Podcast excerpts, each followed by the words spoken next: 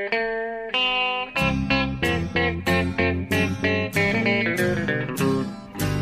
out there, we're on the air. It's hockey night tonight. Tension grows, the whistle blows, and the puck goes down the ice. The goalie jumps and the players bump, and the fans all go insane. Someone roars, Bobby scores at the good old hockey game. Oh, the good old hockey game is the best game you can name. And the best game you can name is the good old hockey game. Hallå, hallå, hallå, hallå, hallå, hallå, hallå, hallå, hallå. Och välkomna till NHL-podden avsnitt nummer 153 med Jonathan Onskan Ekeliv i Örby, Stockholm och mig Per Bjurman i New York.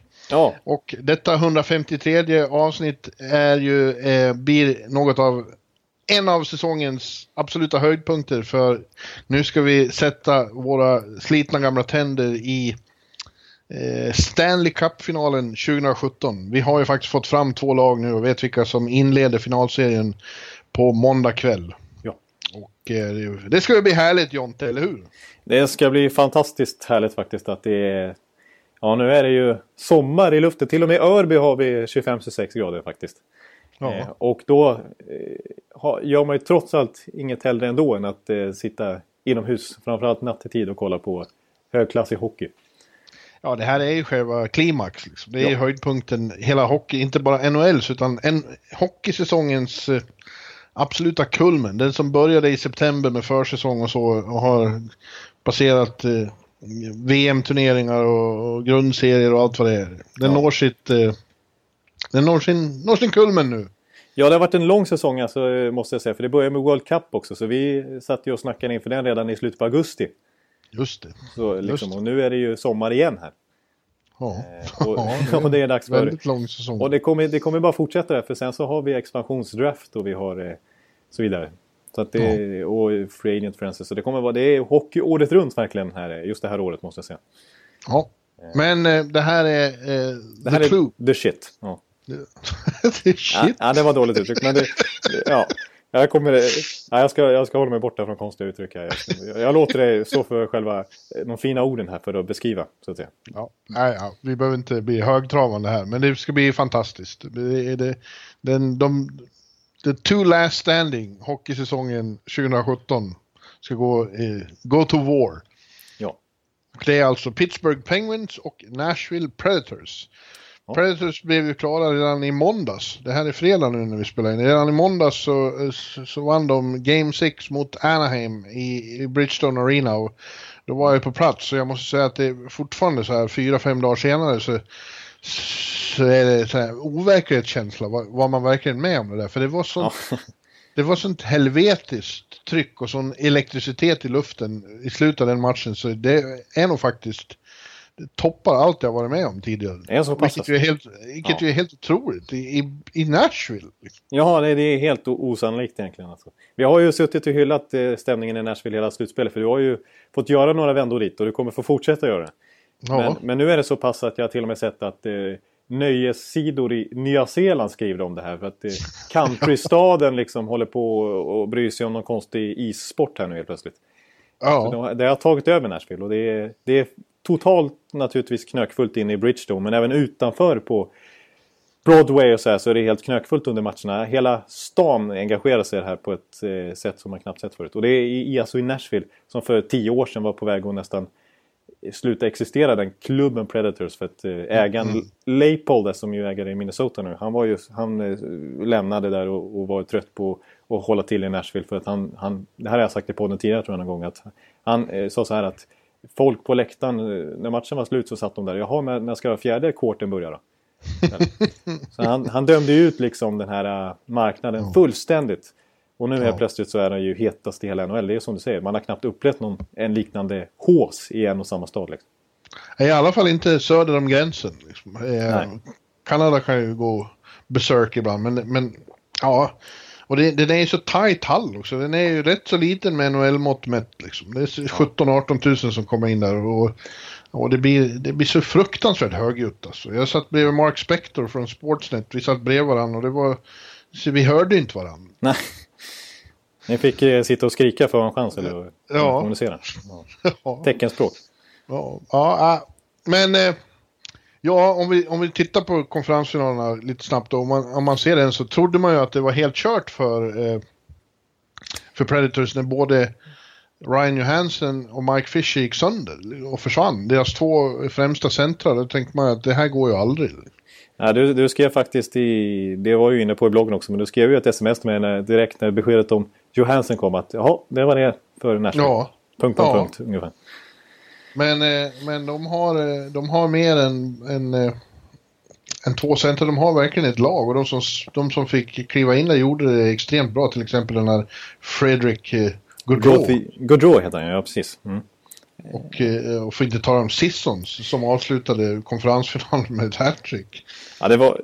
Alltså... Till, till, ja, det var ju faktiskt helt bisarrt att han går in och är en sån... eh, Jag ska inte kalla honom för en career AHLer, men han har ju hängt där länge och han fick ju faktiskt starta säsongen i år i NHL. Så att, men eh, att han ändå... Jag menar, överhuvudtaget i slutet på den här konferensfinalen, för även Anaheim drabbades ju av några tunga skador. Rakell försvann. Eves har varit borta ett tag och så Gibson i kassen. Men vi såg ju målskyttar som Pontus Åberg och som du säger Colton Sisson. Sissons, Ja. Austin Watson. Eh, liksom Chris Wagner i, i eh, Anaheim. Det var verkligen bredden som tvingades kliva fram i det här skedet. Ja, men det visade sig in i att, att eh, Anaheims skador var ännu svårare att hantera och framförallt då kanske Gibson. Eh, Ja. Jonathan Bernier kom in och var liksom väldigt rostig. Eh, Ja. Och apropå som vi sa där Nashville-publiken då, då måste jag säga att lite oväntat nog så är de väldigt, kanske är den styggaste publiken i NHL också. så som de håller på. Eh, Ja. Unisont skriker It's all your fault, it's all your fault. Och så uttalar de Berniers namn bättre än vad vi gör. Det är i och för sig inte så svårt. Men de lyckas ju sätta Bernier, Bernier konstant där. Ja, det var ju... Nej, det var ju bisarrt för honom. Det var, han- vid ett till, tillfälle hade han fått nio skott på sig och släppt in tre av dem. Ja. Eh, men det, kan, det var inte lätt att komma in i den situationen såklart. Men han har väl besegrat sitt öde helt och hållet nu. Ja. Ja. Ja. Det, ja. Nej, men det, det var nästan så att de skulle slängt in Jonas Enroth istället. Som ju Ja. faktiskt kommer med lite självförtroende från AHL här. Ja, Ja, det ja, var bra. jag håller med dig. Eh, och sen tror jag Raquel var faktiskt, eh, saknades väldigt mycket också. Det tror jag också faktiskt. Och, och Eves vill jag nämna också. Även om han var borta ganska stora delar av slutspelet så nu fick de ju offra till och med en first rounder för honom i traden mot, från Dallas i och med att de gick till konferensfinal. Så det var ju dyrköpt för dem. Och så var han inte ens med när det som Nej. Eh, Men Raquel naturligtvis eh, gör, gör ju också ett bra slutspel och är en kreatör för dem. Jag kommer ihåg att i någon podd tidigare under säsongen så sa jag att, att han eh, nästan är den som katalysatorn för nästan vilken kedja han än spelar med. När han lirar med Getzlaff så kommer Getzlaff igång. Han kan spela en tredje. Han fick igång Perry ett tag i, i, när de var ihop och sådär. Så att, eh, han, är, han är otroligt viktig för Anaheim. Jävligt bistert för Anaheim. Det kändes ändå som att det här liksom eh, skulle vara, kunna vara deras år. De, de dödade det där Game 7-spöket hemma och de spelade några matcher mot Nashville spelade de riktigt bra. Det var bara att de, de var inte ojämna Anaheim. Alltså de... Mm. Extremt bra ibland, men sen gjorde de ju plattmatcher också när de förlorade hur mycket som helst. Genom, inte så mycket mot Nashville, men genom hela slutspelet. Ja, vi minns ju inte minst eh, 0-7, eller blir det 1-7? 0-7 Ja. mot Edmonton. Ja. Ja. Och de hade perioder i matcher, även mot Calgary som inte alls såg bra ut tycker jag. När de räddades lite av Gibson här och där och ibland eh, av eh, turstudsar framåt. Liksom. Ja. Och jag, alltså sista matchen här mot Nashville, i två perioder så var de, spelade de ju ut Nashville i princip. Ja, gjorde de. Eh, och, och det var ju Pekarinne som såg till att eh, Preds var kvar i matchen. Ja. Ja, så det, det måste svida på väldigt många sätt och Ryan Getzlav har sitt kanske bästa slutspel någonsin. Ja. Eh, och det räcker inte ända fram. Nej, han, var ju verkligen eh, tillbaka i beast mode i det här slutspelet. Han landade väl på 18-19 poäng till slut. Ja, Och var ju fruktansvärt bra faktiskt. Generellt sett får man säga. Även om jag vill säga att, eh, och nu har jag varit inne på bredden här. Det var så till och med Anaheim var det killar som Nick Ritchie och Chris Wagner och Ondrej Kase och sådana som fick göra kassarna i den här serien. Eh, Ja. Men eh, för, för Getzlaff gjorde faktiskt inget mål i den här serien. Perry gjorde bara, eller bara, han gjorde i alla fall två kassar. Kessler gjorde bara en assist och var minus sex. Så ingen av de här spelarna som man förväntar sig ska kliva fram i Anaheim hade några riktigt lyckade serier här mot Nashville faktiskt. De blev lite neutraliserade ja. faktiskt. ja men... Eh, Eh, man, man, man, för, man, har förstått det nu efteråt också att det här, alltså de är ju vana vid besvikelse men den här sved, den här sved extremt mycket. Ja.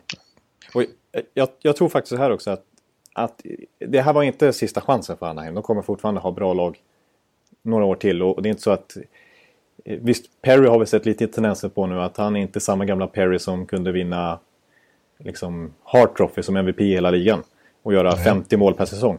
Men eh, Ryan Getzleff gör som, som du säger, det här är hans bästa slutspel sen kanske någonsin eller i alla fall sen de vann 2007. Och Ryan Kessler var ju generellt sett, får man säga, det är en, en riktigt bra defensiv forward som förmodligen vinner Selke Trophy i år. Men, eh, men de börjar bli lite äldre. Och mm. vi så, jag tror också nu att, som vi har pratat om Anna med hela säsongen, Randy Carlisle-stil, att de här killarna får spela 22-23 minuter fast de är forwards. Att de blir så en enorm belastning på ett fåtal spelare. Eh, trötta ut dem lite grann. För han skyllde ju lite grann Carlisle också efter uttåget på att de har fått spela så mycket matcher och, och det är dåligt schema att vi som får spela en Game 7 får bara vila en dag mellan, näst, mellan serierna liksom.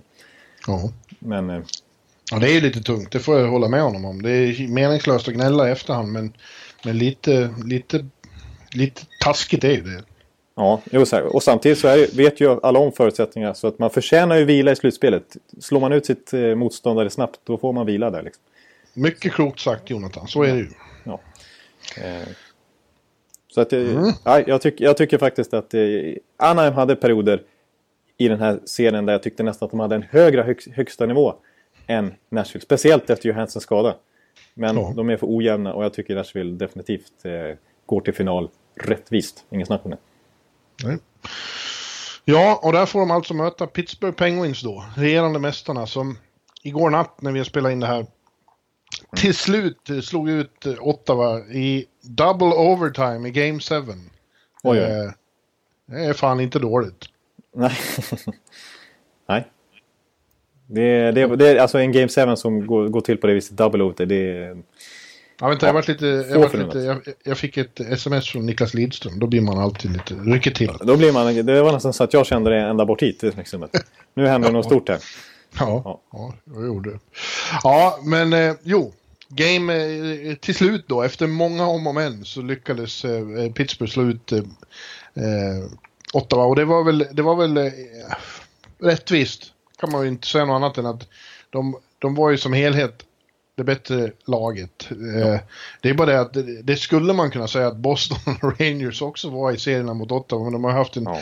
otrolig förmåga att, att hänga kvar och komma tillbaks och hitta sätt att vinna som man säger. Så ja. det var ju verkligen inte långt ifrån att de lyckades med det igen. Ja, du, det kanske var i sms från till mig också, eller så sa du i podden förra veckan, eller så var det både och, att du, du är lite nya kackerlackorna här på Ottawa liksom. De var, ja, det var det otroligt verkligen. svåra att skaka av sig. Och jag tyckte de, även om Pittsburgh nu var in the end kanske bäst, framförallt på övertiden, så tycker jag Ottawa gjorde en heroisk insats i den här matchen igår.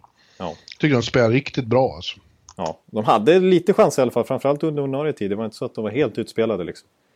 Utan Nej. De, de, det är ju Bourgers ja, spelsystem som, ja. som nöter på och fortsätter och nästan höll på att trötta ut även Pittsburgh.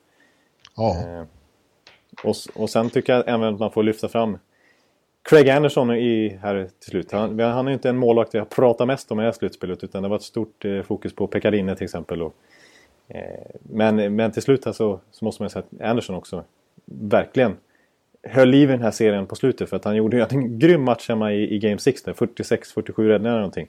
Ja. Och även här var han ju uppe mot, mot 40 räddningar och tog matchen till double OT, alltså när alla lägen som Kessel till exempel hade i overtime. Liksom.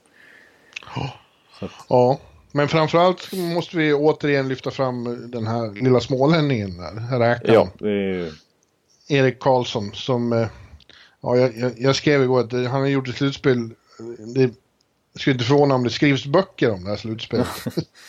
han har alltså två frakturer i en här och eh, spelar ändå 89 minuter mer än någon annan har gjort i hela slutspelet. Ja, det är så, så bisarr siffra så att det finns inte. Det är, det är totalt overkligt. Det är en och en halv match mer, drygt, än vad någon annan har spelat. Ja. Nej, inte drygt. En och en halv match, ganska precis. Ja. Mer än någon annan. Ja. Skadad. Och, och, och vi såg ju igår, han var ju i princip inne hela tiden ja. i Game 7. Ja, ja det, det, det, det är faktiskt ingen överdrift nästan. Det, dina ord där om att det, att det är läge för bokförfattare att ta fram pennan nästan och skriva någon slags dokumentär om det här. Eller? Ja, han, han höjde sig ytterligare ett snäpp igår faktiskt. För Hagelin pratade om det efteråt, de har ju ägnat enorm eh, energi åt att försöka ta bort Eriks utrymme, ta honom hårt. Eh, och de tycker att de lyckades, med, men ändå liksom igår, han ligger bakom båda målen som eh, Ottawa gör. Ja. Först, först med en, ännu en sån här helt jävla mag, magisk passning. Ja. Eh, och sen skjuter han skottet som det blir retur på och, och de kvitterar två gånger om. Ja. Ja, ja, jag tycker vi... Statyer, statyer av Erik Karlsson. Ja, men jag, jag, jag har lite mer siffror. Det är typiskt när jag kommer med sådana här konstiga grejer. Men, men eh, som bara understryker eh, Erik Karlssons överlägsenhet. Alltså som överhuvudtaget. Mm. Dels framförallt i Ottawa, men överhuvudtaget. Alltså grejen är att han... Trots det här spelsystemet, trots att han blir... Som du säger, Penguins slår mycket energi på liksom försöka neutralisera Karlsson. Och det här, inte minst det här spelsystemet som eh, trots allt sätter lite remmar på eh, Erik Karlsson att inte vara hur kreativ som helst. Så är han alltså den spelare, av alla killar som har lirat över 200 minuter i slutspelet, vilket trots allt är ganska många, så är Erik Karlsson den som har bäst possession-siffror. Det är han som genererar flest skott framåt på isen kontra bakåt när han är inne på isen. Trots att han lirar Ottawa som, som lag inte har ja. några roliga siffror överhuvudtaget. Eh, alls eh, så är alltså Erik Karlsson etta. Han är inne på 10 av 11 matchavgörande mål för Ottawa i slutspelet. Han har gjort sju poäng mer än någon annan back i slutspelet. Han är delad etta i poängligan om man, eh, totalt sett, eh, om man även räknar in forwards, om man bara räknar 5 mot 5 poäng. Ja. Eh, så att, ja, det du ser. Är det någon gång någon borde dela ut Conn Smythe till någon annan än den som vinner så skulle det vara Erik i år. Ja, exakt. För man kan sitta och hylla eh, liksom, visst, Bushes spelsystem har, har, stor inverkan i det här och, och Jean-Gabriel Pachot vann ju en match på egen hand och Bob Ryan har vaknat till livet plötsligt. Och Hoffman och Stone visar briljans eh, titt som tätt. Men det är ju en spelare som ligger bakom hela det här underverket att Ottawa gick så här långt. För det var ingen av oss som trodde det på förhand. Det är en nej. spelare som är så MVP så det finns inte. Ja, nej, ja. Nej, eh, och det, tyvärr då räckte det inte ända fram och, och lite eh, blöder ju hjärtat för Erik efter att ha stått för, för, för, för det här skadad. Och får ja, ändå ja, just det, exakt. snubbla på tröskeln och får inte spela Stanley Cup-final och vem vet när den chansen kommer in. Det, det hade man unnat honom efter den här uppvisningen. Ja, precis. Det, då, då hade vi snackat böcker och så vidare. Ja. Om de hade gjort en uh, full-blown ja, Leicester. Då hade jag skrivit en bok. Ja, då hade du skrivit en bok faktiskt. Men, uh, en, men, en, innan vi lämnar ja. Ottawa, så en liten negativ sak. Framförallt i skuggan av Nashville är ju publikintresset. Att de inte ja. ens lyckas sälja ut en konferensfinal. Nej, det var ju... Det var ju tråkigt och det straffar sig. Får man väl säga. Det är karma att de inte får se finalen där då. Nej. Men det där var vi inne på redan under Rangers-serien. Att det, det, det, är något som inte stämmer där uppe. Och många säger att det handlar om att eh, människor där inte vill ge Melnick några mer pengar. För Nej. de är trötta på honom. Ja. Ja, bara 87 procents beläggning i grundserien också. Så det var ju inget, inget nytt fenomen. Utan det är ju så här, det är ingen, de pallar inte heller... Det, är ju, det, är inget, det, är, den ligger ju som vi har varit inne på många gånger ute på en åker där. Och alla alla mm. arenor som ligger utanför stan är nästan synonymt. Eller liksom, vad ska jag säga. Är, det, det, går igen i övriga lag också. Florida, Carolina och så vidare. Det, det, det, det är ingen bra strategi helt enkelt. Har du varit där i Ottawa? Nej, jag har faktiskt inte varit. Nej. Inte varit. Men Nej. jag vet ju mycket väl. Det är bara... Det, det är ju kul att bara zooma in där på, på eh, Google Maps. Man ser att det, det är ju bara åker runt omkring. Och sen plötsligt ja. så dyker det upp en arena där. Liksom. Ja, nej, det är väldigt långt. Det är ingen som det är längre till. Är... Carolina är central i jämförelse. Ja, ja. Men eh, det känns som det kommer vara den som är kvar sist av alla dina NHL-arenor. Du kommer inte ta det till Ottawa i första taget. Nej, det, jag måste säga att det, det, det ligger inte högst på min eh, bucketlist. Det gör det faktiskt inte. Ja, innan vi lämnar dem helt måste jag också säga att det ska bli intressant att se vad som händer nästa år. För som du ju mycket väl vet så förra gången Guy Boucher tog över ett lag som hette Tampa Bay Lightning så tog han ju faktiskt även dem till Game 7 i konferensfinalen och förlorade med uddamålet. Exakt, det var samma visa. Ja. Men året därpå så brakade alltihop ihop för att eh, eh, man har känslan att det här systemet, alla köper in i, i det eh, första året, men att det blir svårare att upprätthålla flera säsonger i rad det blir för tråkigt. Ja, det är lite, det är lite för tråkigt och hans eh, ord i omklädningsrummet om resilience och liksom allt det här som jag brukar ja. tjata om, det, det biter inte längre. Plus, och det, det var ett lite intressant citat av Boucher tyckte jag läste här för någon vecka sedan, eller om det var några dagar, ja det var ett tag sedan i alla fall. Eh, om när han tog, om varför han tog just Ottawa. Han har kanske hade inte så mycket andra anbud heller. Så det, han hade inte så mycket att välja på. Men han sa att han, han hade inte tagit jobbet om han inte hade vetat att, att han hade litat på första målvakten. Han ansåg att eh, Craig Anderson är en så pass bra keeper så att det kommer vara bra. För, och då, då, vet jag, då känner jag direkt att han referera lite till Tampa Bay året när han fick sparken. För då var ju Tampa Bays målvaktsspel bedrövligt. Dwayne Rollerson hade varit, kommit in och varit jättebra året innan och var högst bidragande till att de gick till konferensfinal. Men året efter var han 87 procent typ. Katastrof och la av mitt under säsongen tror jag till och med, Dwayne Rollerson, för att han var så dålig faktiskt. Eh, och då är det svårt, då, så han sa det, har man ingen bra målakt då spelar det ingen roll vad jag säger för då... Ja, då, då släpper man in så mycket mål ändå. Så, då, då, men, men, så det är lätt att skylla på målakt så, men det, det var mycket... Det, alltså jag, jag håller med en, trots allt, trots målvaktsspel så, så, så, tror jag att det kan vara svårt för Boucher att få igenom sin, sin linje konsekvent ytterligare ett år när det krävs så mycket av spelarna. Liksom. Ja. ja, det ska bli intressant att se. Det, eh, det beror på lite vad som händer personalen också, men det kommer att vara, inte vara självfallet att tippa Ottawa som slutspelslag igen.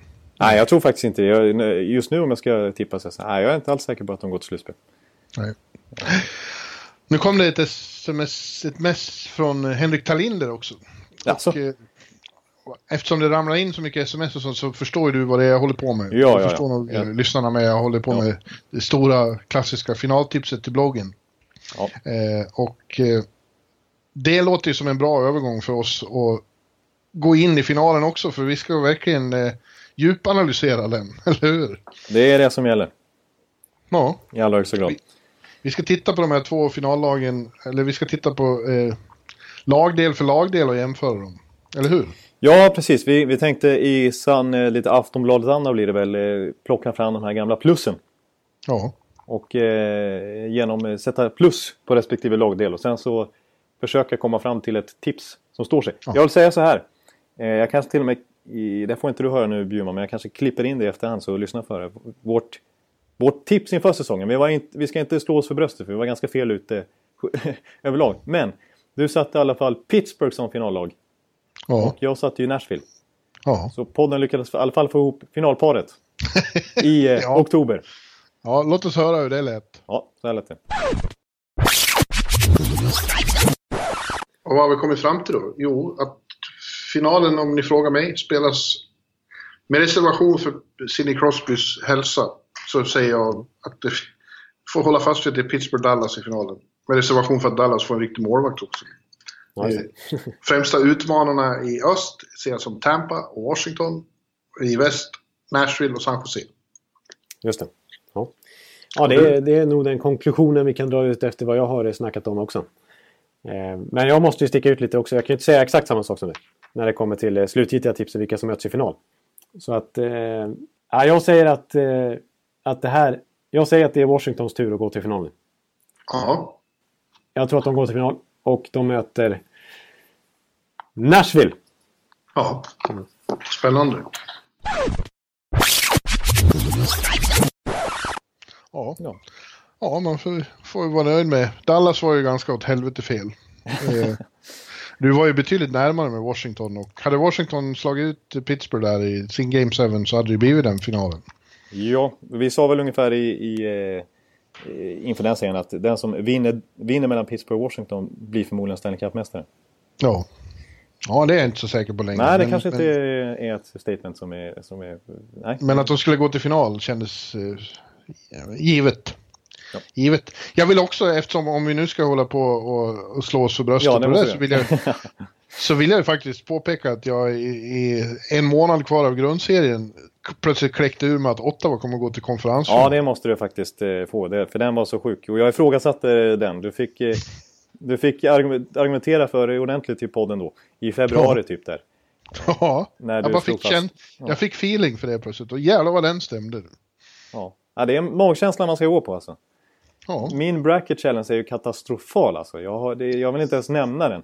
För att jag kom, vad jag har sagt i podden så under previous har varit ganska bra. För då har jag gått på magkänslan. Men sen så när jag skulle köra bracket challenge då har jag hunnit tänka så mycket. Så då tänkte jag till exempel att Erik Karlsson är ju skadad, det kommer inte gå.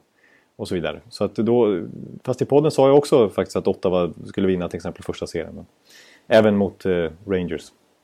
Ja. Ah, vi, vi lämnar kanske våra tips nu. Äh, det, Men, det, nej, vänta nu. Men vad sa vi om, om konferensfinalerna då? Vi Du- sa att... eh, vi sa helt, helt rätt. Ja, vi gjorde det va? Jajamän, vi sa 4-3 matcher till Pittsburgh båda två va? Jag har för mig jag sa 4-2. Okej. Ja, jag sa 4-3 i alla fall, det vet jag. Ja, jag tror du... Jag tror du fick ännu mer rätt. Men sen sa vi båda 4-2 på Nashville i alla fall. Det minns jag då.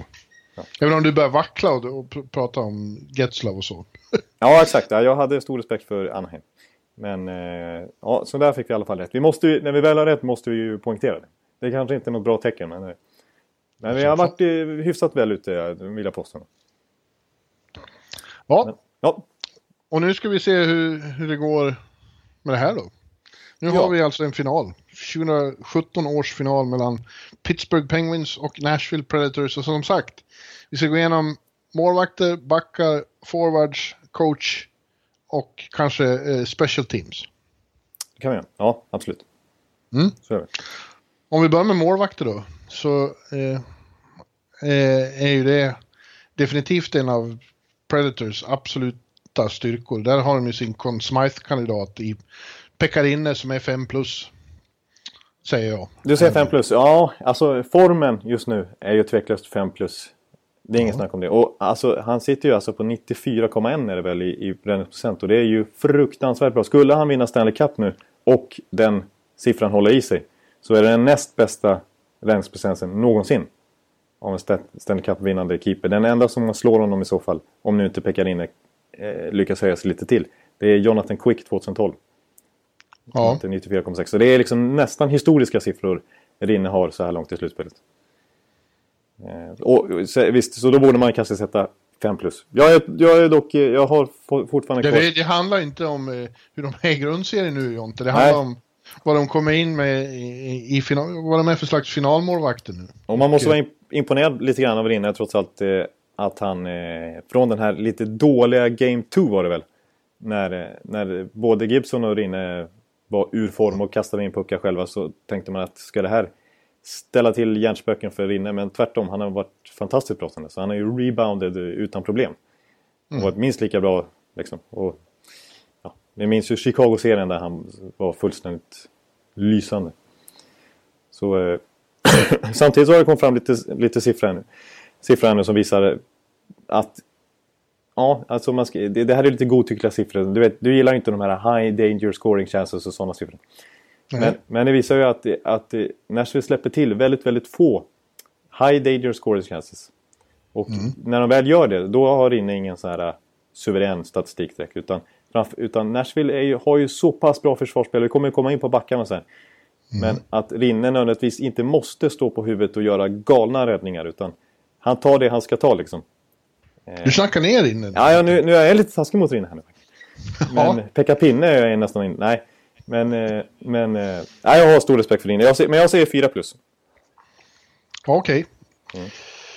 Och eh, det sätter jag på hans motståndare på andra sidan, som ju nu är Matt Murray då, eftersom han fick ta över efter att Mark Andre Fleury hade gjort succé i, i de tre föregående serierna, eller två föregående serierna.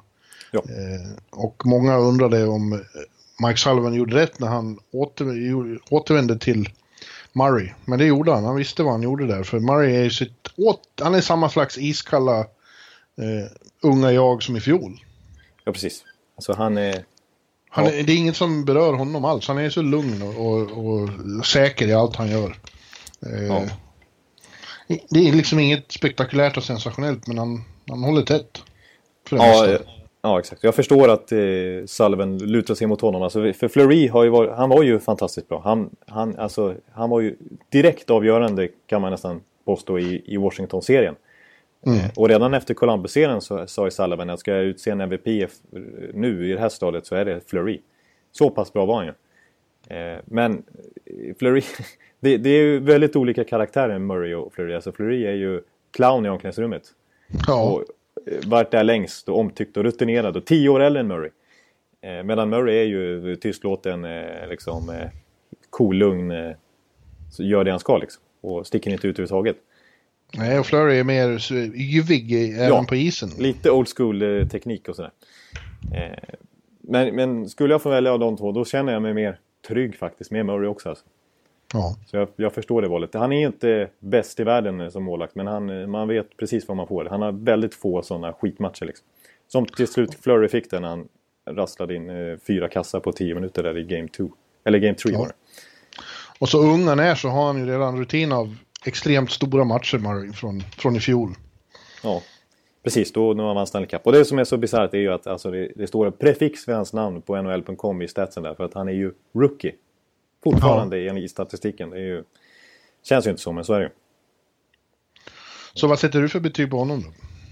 Ah, Totalt på målvaktssidan så vill jag räkna in Florida också. För skulle Murray nu mot förmodan ha lite dåliga matcher, att det rasslar in tre kassar på en period så här, då har de ju, kan de ju kasta in Flurry som fortfarande är i form, vill jag påstå.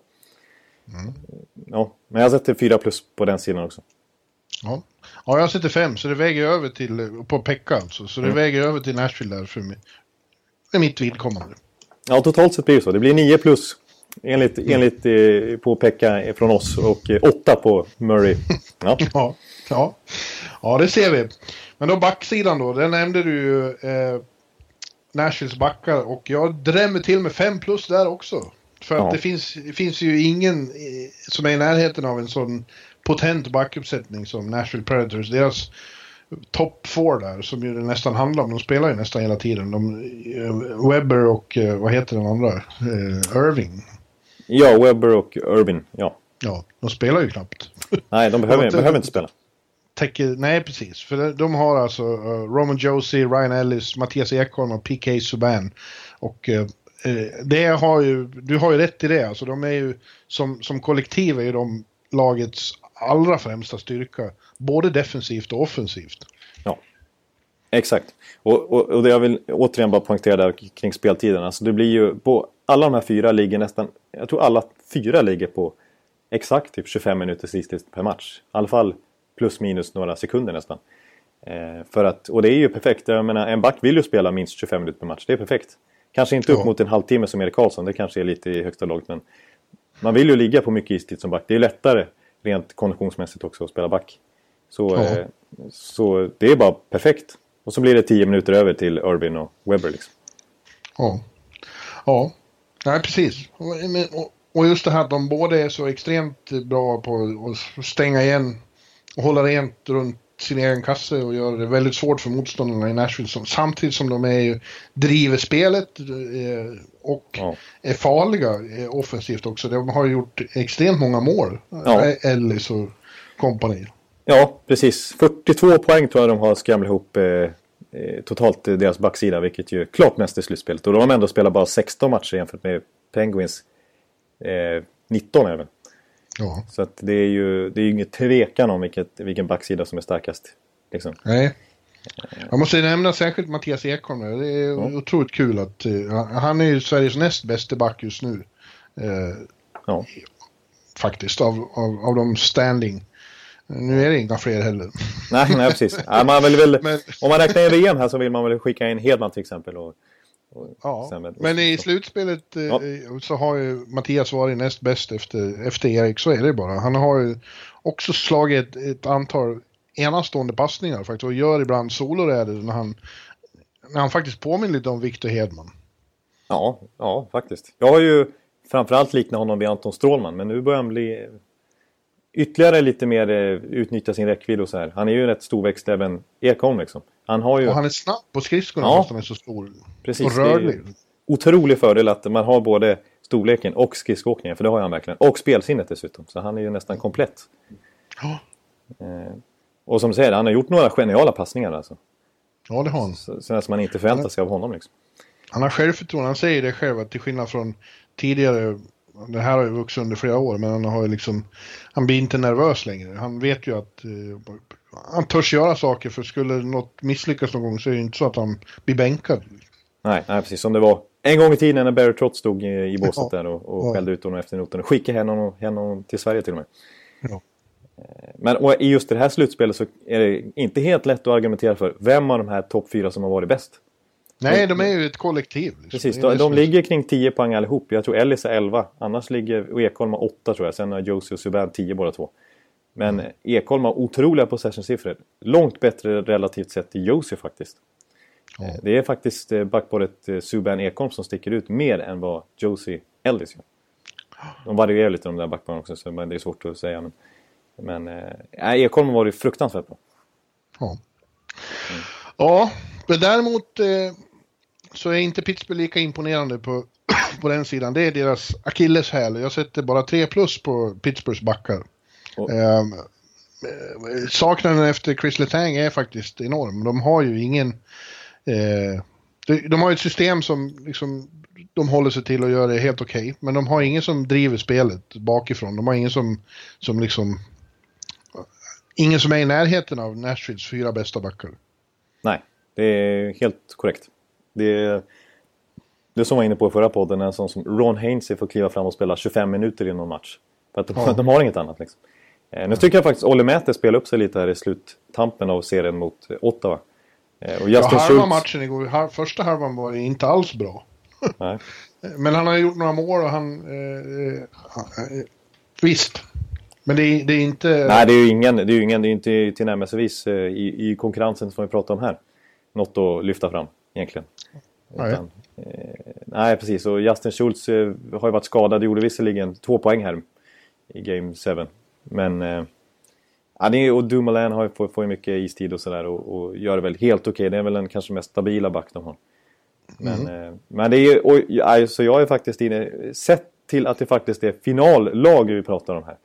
Så jag har svårt att komma på en backsida som har varit sämre i modern tid. Så jag nöjer mig med 2 plus. Alltså. Ja. Jag Ja. tycker det är ja, det är helt klart deras svaghet och det som skulle kunna fälla dem in the end. Och då, där, då måste man ju, som du redan varit inne på, man måste ge cred till Sullivan. För det är hans spelsystem som underlättar för de här backarna ordentligt. Som gömmer deras svagheter lite grann. De har ju en tydlig spelidé som nödvändigtvis inte som, som inte blir sämre på något sätt. Det är ju Tvärtom om Letang är med och, och de skulle haft ännu lite bättre backar. Men, men det hjälper eh, backarna lite grann ändå trots allt. Att de tillåts ibland eh, chippa. Det är mycket längs sargen och sådär. Ja. Så att, ja, men det som saknas är den här dimensionen som Letang har med sin...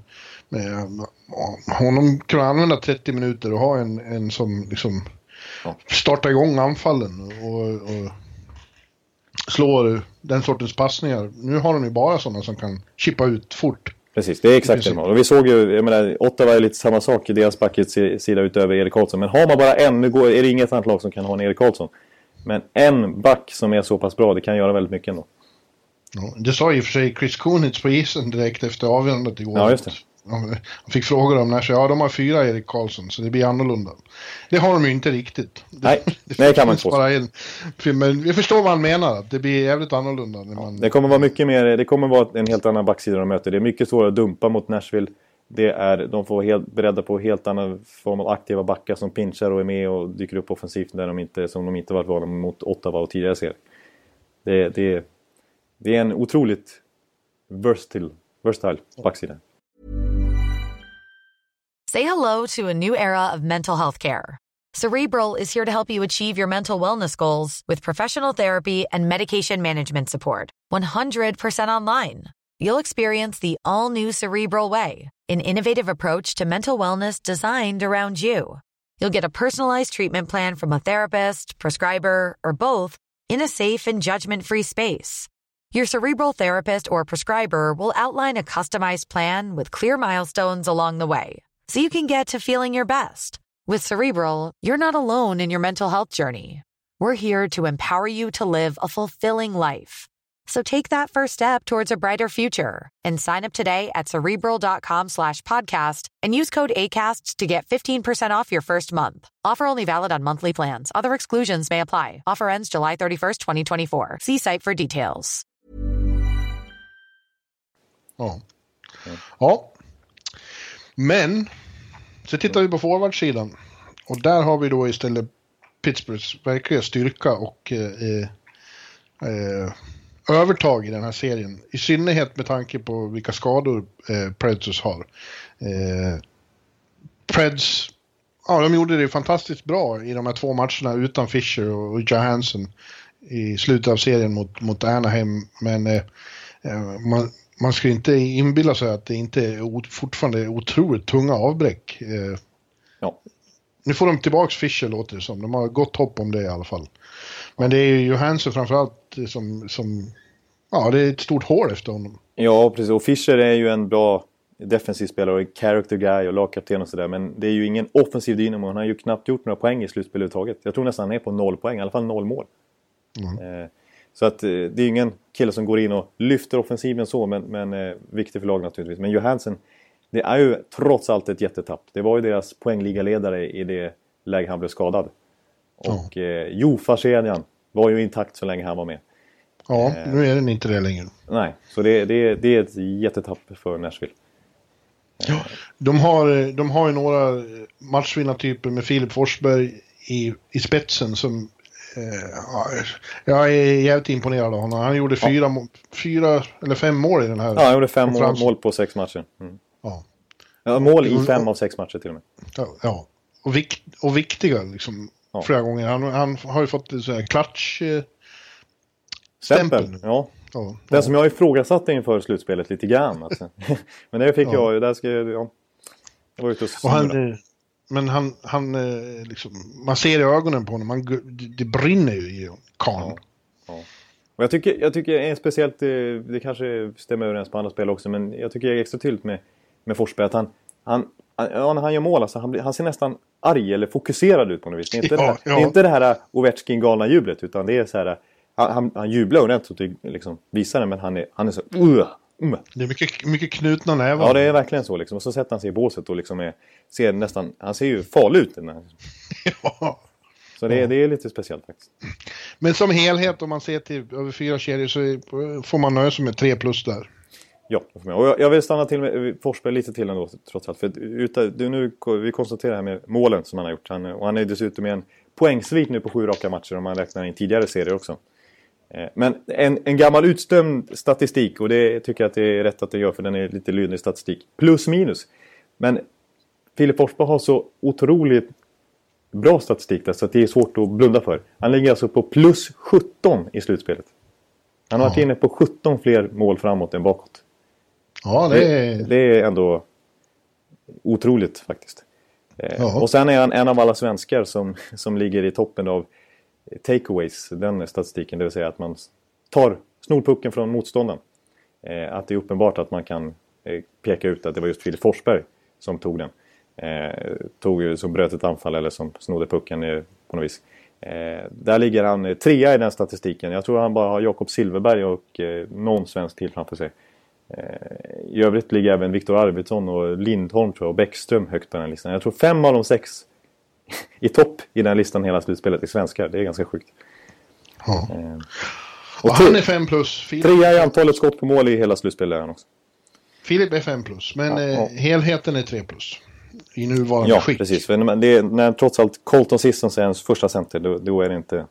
Då ligger man inte i, det, det, det, i en Stanley Cup-final åtminstone, så känns inte det jättestarkt jämfört med Jevgenij Malkin och Sidney Crosby som vi kanske pratar om nu. Nu ska vi prata om dem. För ja. där har ju Pittsburgh sin, som sagt, enorma styrka i att de har Sidney Crosby, Evgeny Malkin, Phil Kessel. Ja. Eh, det, det, är ju 5 plus på den forwardsuppsättningen, det är bara så. Ja. Det är superstars. Inte över hela linjen, men i de första linjerna är det verkligen, lyser det av eh, ja, stjärnglans. ja, det, det, och det är i princip samma forwardsuppsättning som vann titeln åt dem förra året. Minus Eric Fear plus Jake Gensel som leder skytteligan i slutspelet. Ja. Så... Eh, ja.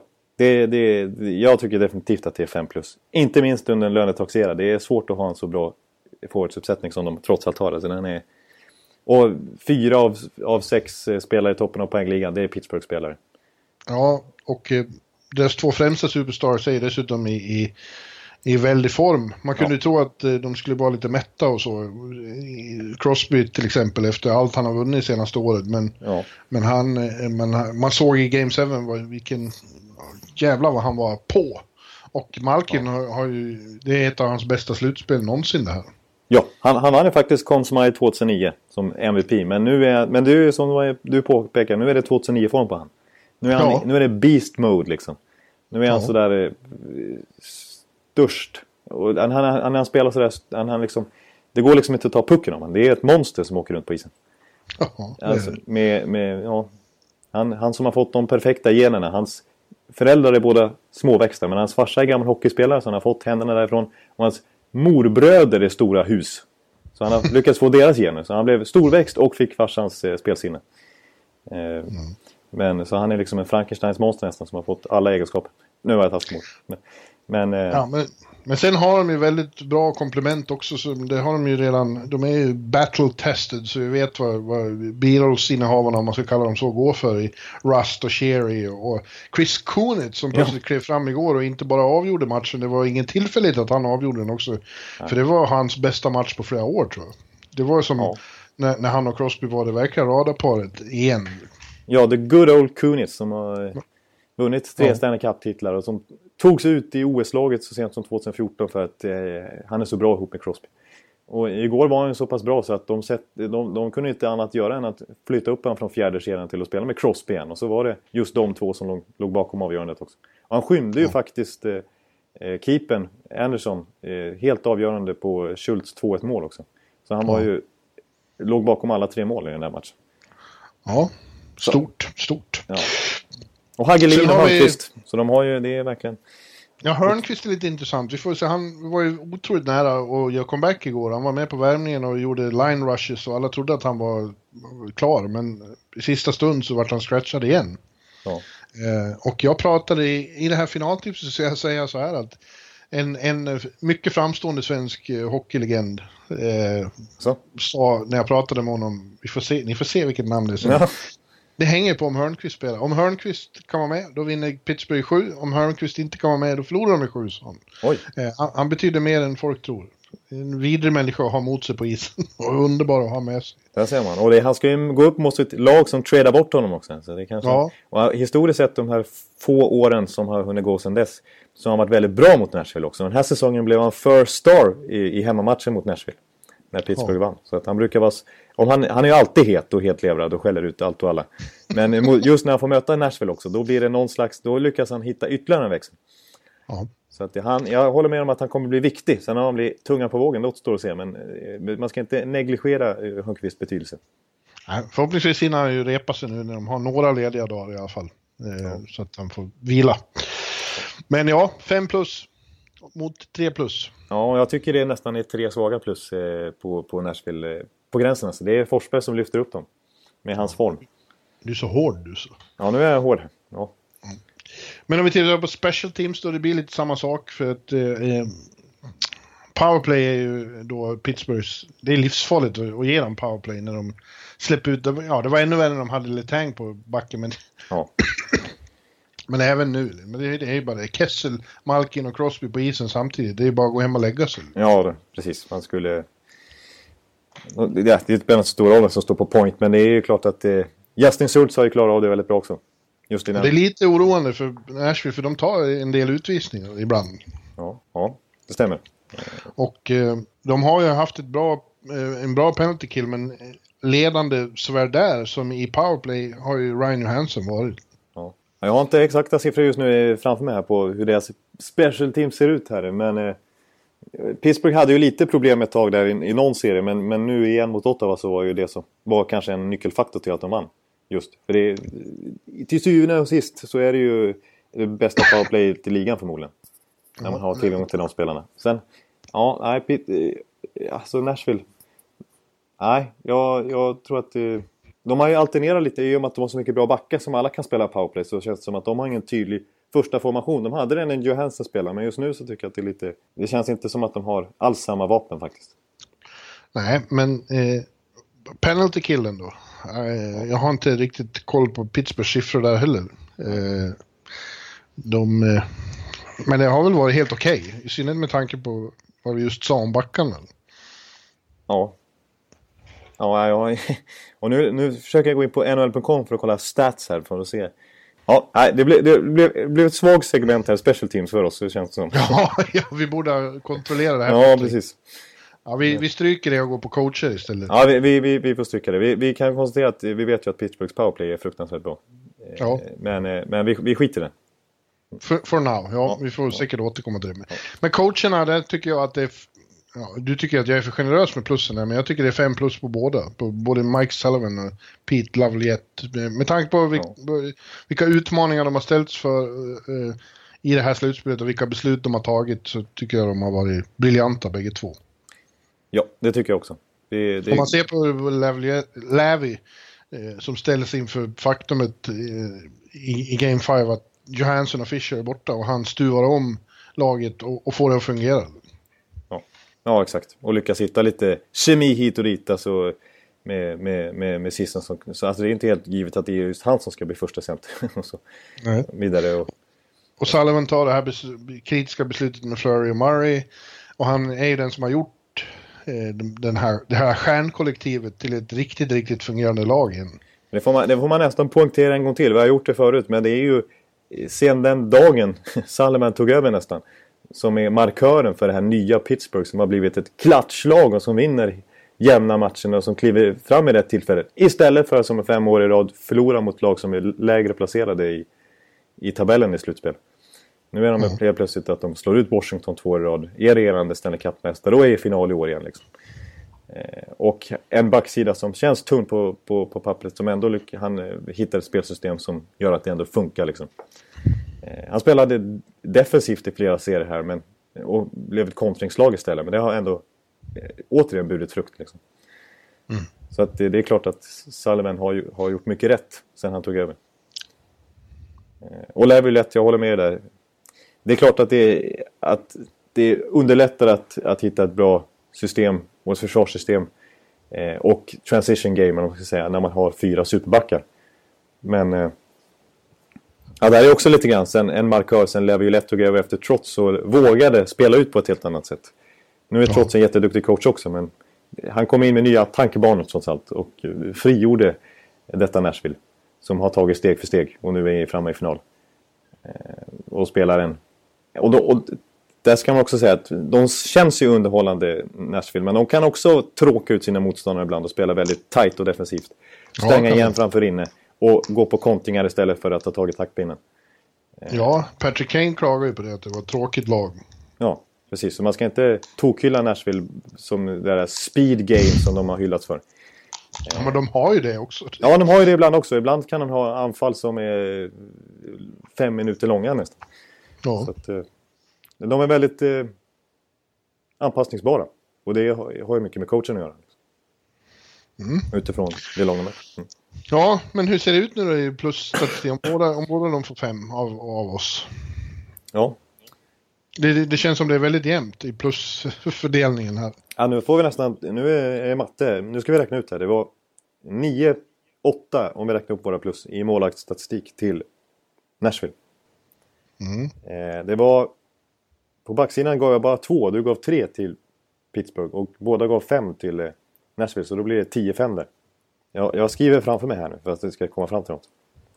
Ja. Eh, och på forwardsidan så gav vi båda fem plus till, till eh, Pittsburgh.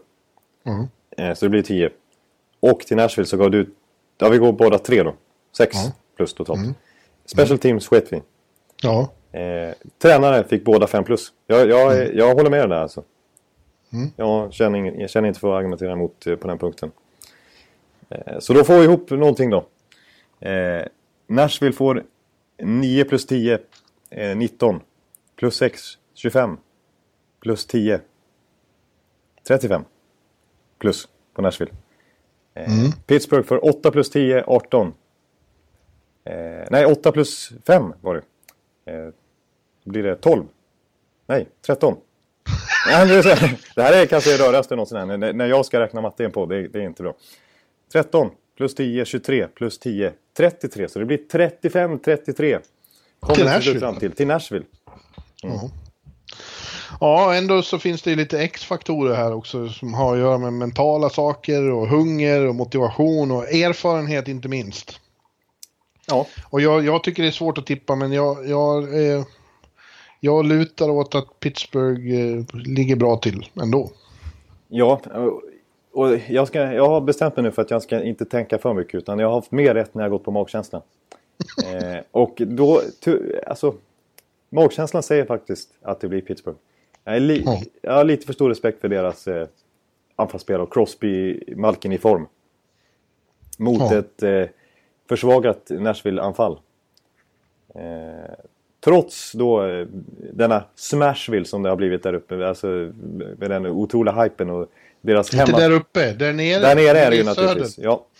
Eh, så, eh, nej, jag tror att... Eh, jag tror det blir Game 7 faktiskt. Men att Pittsburgh, precis som mot Ottawa, avgör på hemmaplan. Ja. Sju matcher. Jag tror att de... Ja, sju matcher. Men eh, att räkna in är också att de har spelat väldigt mycket hockey på slutet. Att de tidvis har sett lite slitna ut. Eh, det sätter jag upp ett varningens eh, finger för. Ja. Alltså 16 matcher på Nashville efter tre runder, det är ganska lite ändå. Men det det. svepte Chicago liksom. Så att eh, de är utvilade i jämförelse. Och de har fått vila emellan respektive serie också. Så att, eh, ja, Pittsburgh två Game 7 ja. under bält. Det har vi sett plågat andra lag tidigare. Ja. Så att, eh, och de vinner våran plusstatistik trots allt. Ja. Och ja, jag, ja. jag säger inte att det här är mitt slutgiltiga tips, men just nu säger jag Pittsburgh 7 också. Jag kan komma och ha ändrat mig innan vi drar igång. Och du sa ju faktiskt Pittsburgh inför säsongen, eh, du sa ju Dallas också, men du sa att Pittsburgh skulle vinna Stanley Cup vill jag påstå. Mm, att de blir första laget på 20 år nästan och upprepa. Ja, det är första gången sedan 98 Detroit i så fall. Mm. Ja, ja. Men, men eh, ja. i vilket fall som helst så blir det något att se tror jag. Det tror jag också. Det kommer eh, bli underhållande. Det är min eh, skarpa känsla från det här. Båda lagen har oerhörda styrkor. Eh, I Nashvilles fall defensiven och offensiven från defensiven. och i Pittsburghs fall två superspelare plus några till som Kessel och så vidare. En galen offensiv. Men också två lag som generellt sett ändå bör kunna bör vilja ta tag i taktpinnen så som normalt sett. Nu är de utan Ryan Hansen visserligen men jag tror det här är två lag som som har så mycket individuell kvalitet att vi kommer få se väldigt bra hockey. Ja, ja jag tror du har rätt. Ja, ja men du, ja, fint. Nu ska jag, ja, vi kanske väl ändå när vi ändå eh, uppkopplade kan nämna något om VM då eftersom det var så extremt mycket eh, svenska NHLers som var där och vann VM-guld. Det var ja. ju väldigt roligt för dem och eh, vi fick, jag, jag, nu, nu slår jag mig för bröstet igen här. Så jag, jag sa ju, William Nylander kommer få sitt stora genombrott i VM och det får man väl lugnt säga att han fick. Ja. MVP och allt. Exakt, att det skulle bli så bra, det kanske vi inte hade förväntat oss. Men vi sa ju båda, båda två i någon podd inför VM att eh, de som inte följer NHL får, kommer i alla fall få stifta bekantskap med William Nylander nu och, och få se hur bra han är. För det har han ju visat hela säsongen i NHL. Ja. Men att han skulle, en Patrik Laine, gå in och bli MVP i sitt första senior-VM, sin första landslagsframträdande överhuvudtaget. Eh, som senior. Det var ju... Det är bara att lyfta patten. Och den kemin han hade med Niklas Bäckström eh, gjorde att man nästan ville att de skulle spela i samma NHL-lag också. ja, trade Ovechkin till Toronto. Ja, precis. Mot, mot Nylander. Ja. Så, ja. så får de hålla, hålla ihop huvudstaden. Det är nästan så att man vill ha det så. Det, det, ja. det var, det ja, var så det fint var att se. Bara han, bara han slutar knocka Henrik Lundqvist efter match. Ja, det, var ju, det, det kan han inte fortsätta med. Det var ju, det var ju fullständigt livsfarligt. Visserligen gav det en ikonisk bild, men han höll ja. ju på att ödelägga Henkes karriär där, faktiskt. ja. Man får ju säga att Henke Lundqvist också täppte igen vissa kritikers munnar, eller man ska säga. Trutar, säger man väl. För att eh, han var ju... Nej.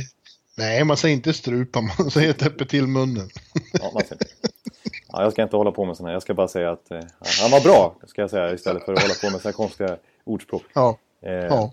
Och eh, ja, han visar sig klatsch egentligen. För generellt sett, kollar man på Henkes karriär så är han alltid som bäst när det gäller. Alltså hans sjuka Game 7-statistik som visserligen naggades i kanten eh, senaste åren. Men generellt sett har han knappt förlorat en Game 7 och knappt släppt in ett mål när det har varit Elimination Games. Så att, och det plockar han fram här igen. Och var fruktansvärt bra, faktiskt. Ja. Ja. Ja, roligt. mycket roligt och fint att få se honom och Joel vinna ihop efter alla år. Ja. Rörande tycker jag. Perfekta landslagsavslutet för bägge två. Ja.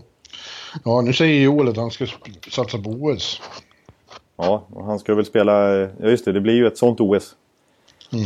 Eh, det blir ju ett, ett Eurohockey Tour-OS nästan här med, med, Ja, ja. med spelare från SHL och MLA och KHL och så vidare kanske. Ja, ja. Men, eh, men det, vi kanske nöjer oss så för den här veckan. Ja, jag ska väl ge mig i kast med det stora finaltipset igen då. Jag, mitt, mitt stora aber är att jag inte får tag i Håkan Loob. Han har ju slutat i Färjestad så han har tappat bort sin mailadress. Jag, och han är ju viktig. Han är ju eh, eh, finaltipsets stora sida. Så om det är någon där ute som hör det här som känner Håkan så, så, så se åt honom att jag söker honom desperat. Bra att du framförde det, för att han är ju nästan avgörande för finaltipset. Han är nästan den som har mest rätt genom tiden. Ja, han gör det ju så ambitiöst. Han Ja. går ju in för allting. Han tippar ju varenda match. Ja, så jag, jag vill ha Håkan. Ja. ja, det vill jag också faktiskt. Jag vill att han ska vara med där. Men, Ja. eh, ja, nu känner Men du, vi, vi återkommer väl mitt under finalserien får vi väl säga. Ja, det kommer någon gång... Kan i- inte vänta, vi kan inte vänta till den är klar. Nej. Nej, vi går in mitt i finalserien och eh, eh, gör någon slags lägesrapport då. Och så kanske dykt upp lite andra nyheter. Vi vet ju att det är några NHL-tränarjobb på gång till exempel. Det är lite intervjuer i, nere i Florida och Buffalo har något på gång här snart tror jag. Så att vi får väl diskutera det. Nu känner jag själv att min röst börjar försvinna lite grann. För jag har varit lite... Du är sjuk du. Ja, jag har varit out with the flu här, borta från jobbet och grejer de senaste dagarna. Men det höll för en podd, det är ju trots allt det viktigaste. Lower body. Ja, ja. ja men... Eh, Ja, men eh, då, då tackar vi för eh, idag och ser fram emot att alla hör av sig till Håkan. Ja. och så, åt mig. Ja, jag säger tack och adjö och ha en underbar Stanley Cup-final allihop. Hej! Hallå, hallå, hallå. Hallå, hallå, hallå. Alex Chiazot, Joe Luis Arena och Esposito. Esposito. Uttalsproblem, men vi tjötar ändå. Och alla kan vara lugna, inspelningsknappen är på. Bjuder Hanna Kohl, han är grym i sin roll. Från Kållesoffan har han fullständig kontroll på det som händer och sker. Det blir ju allt fler som rattar in hans blogg. Och lyssna på hans podd. One, two, three, speed, so Hallå, hallå, hallå. One, two, three, speed, so Hallå, hallå, hallå. Ekeliv, som är ung och har driv. Verkar stor och stark och känns allmänt massiv. Han hejar på Tampa och älskar Hedman. Sjunger som Sinatra. Ja, och där ser man. Nu är det dags för refräng. Dags för magi, Victor Norén. Du är ett geni. Så stand up at home and remove your hats. Höj volym, för nu är det plats. One, two, three, speed, so Hallå, hallå, hallå. One, two, three, speed, so Hallå, hallå, hallå. One, two, three, speed, so Hallå, hallå, hallå. One, two, three, speed, so Hallå, hallå, hallå. Det er utroligt længe siden mor, der samtidig trods har råd. Hallå, hallå, hallå. Det er utroligt længe siden mor, der samtidig trods har råd.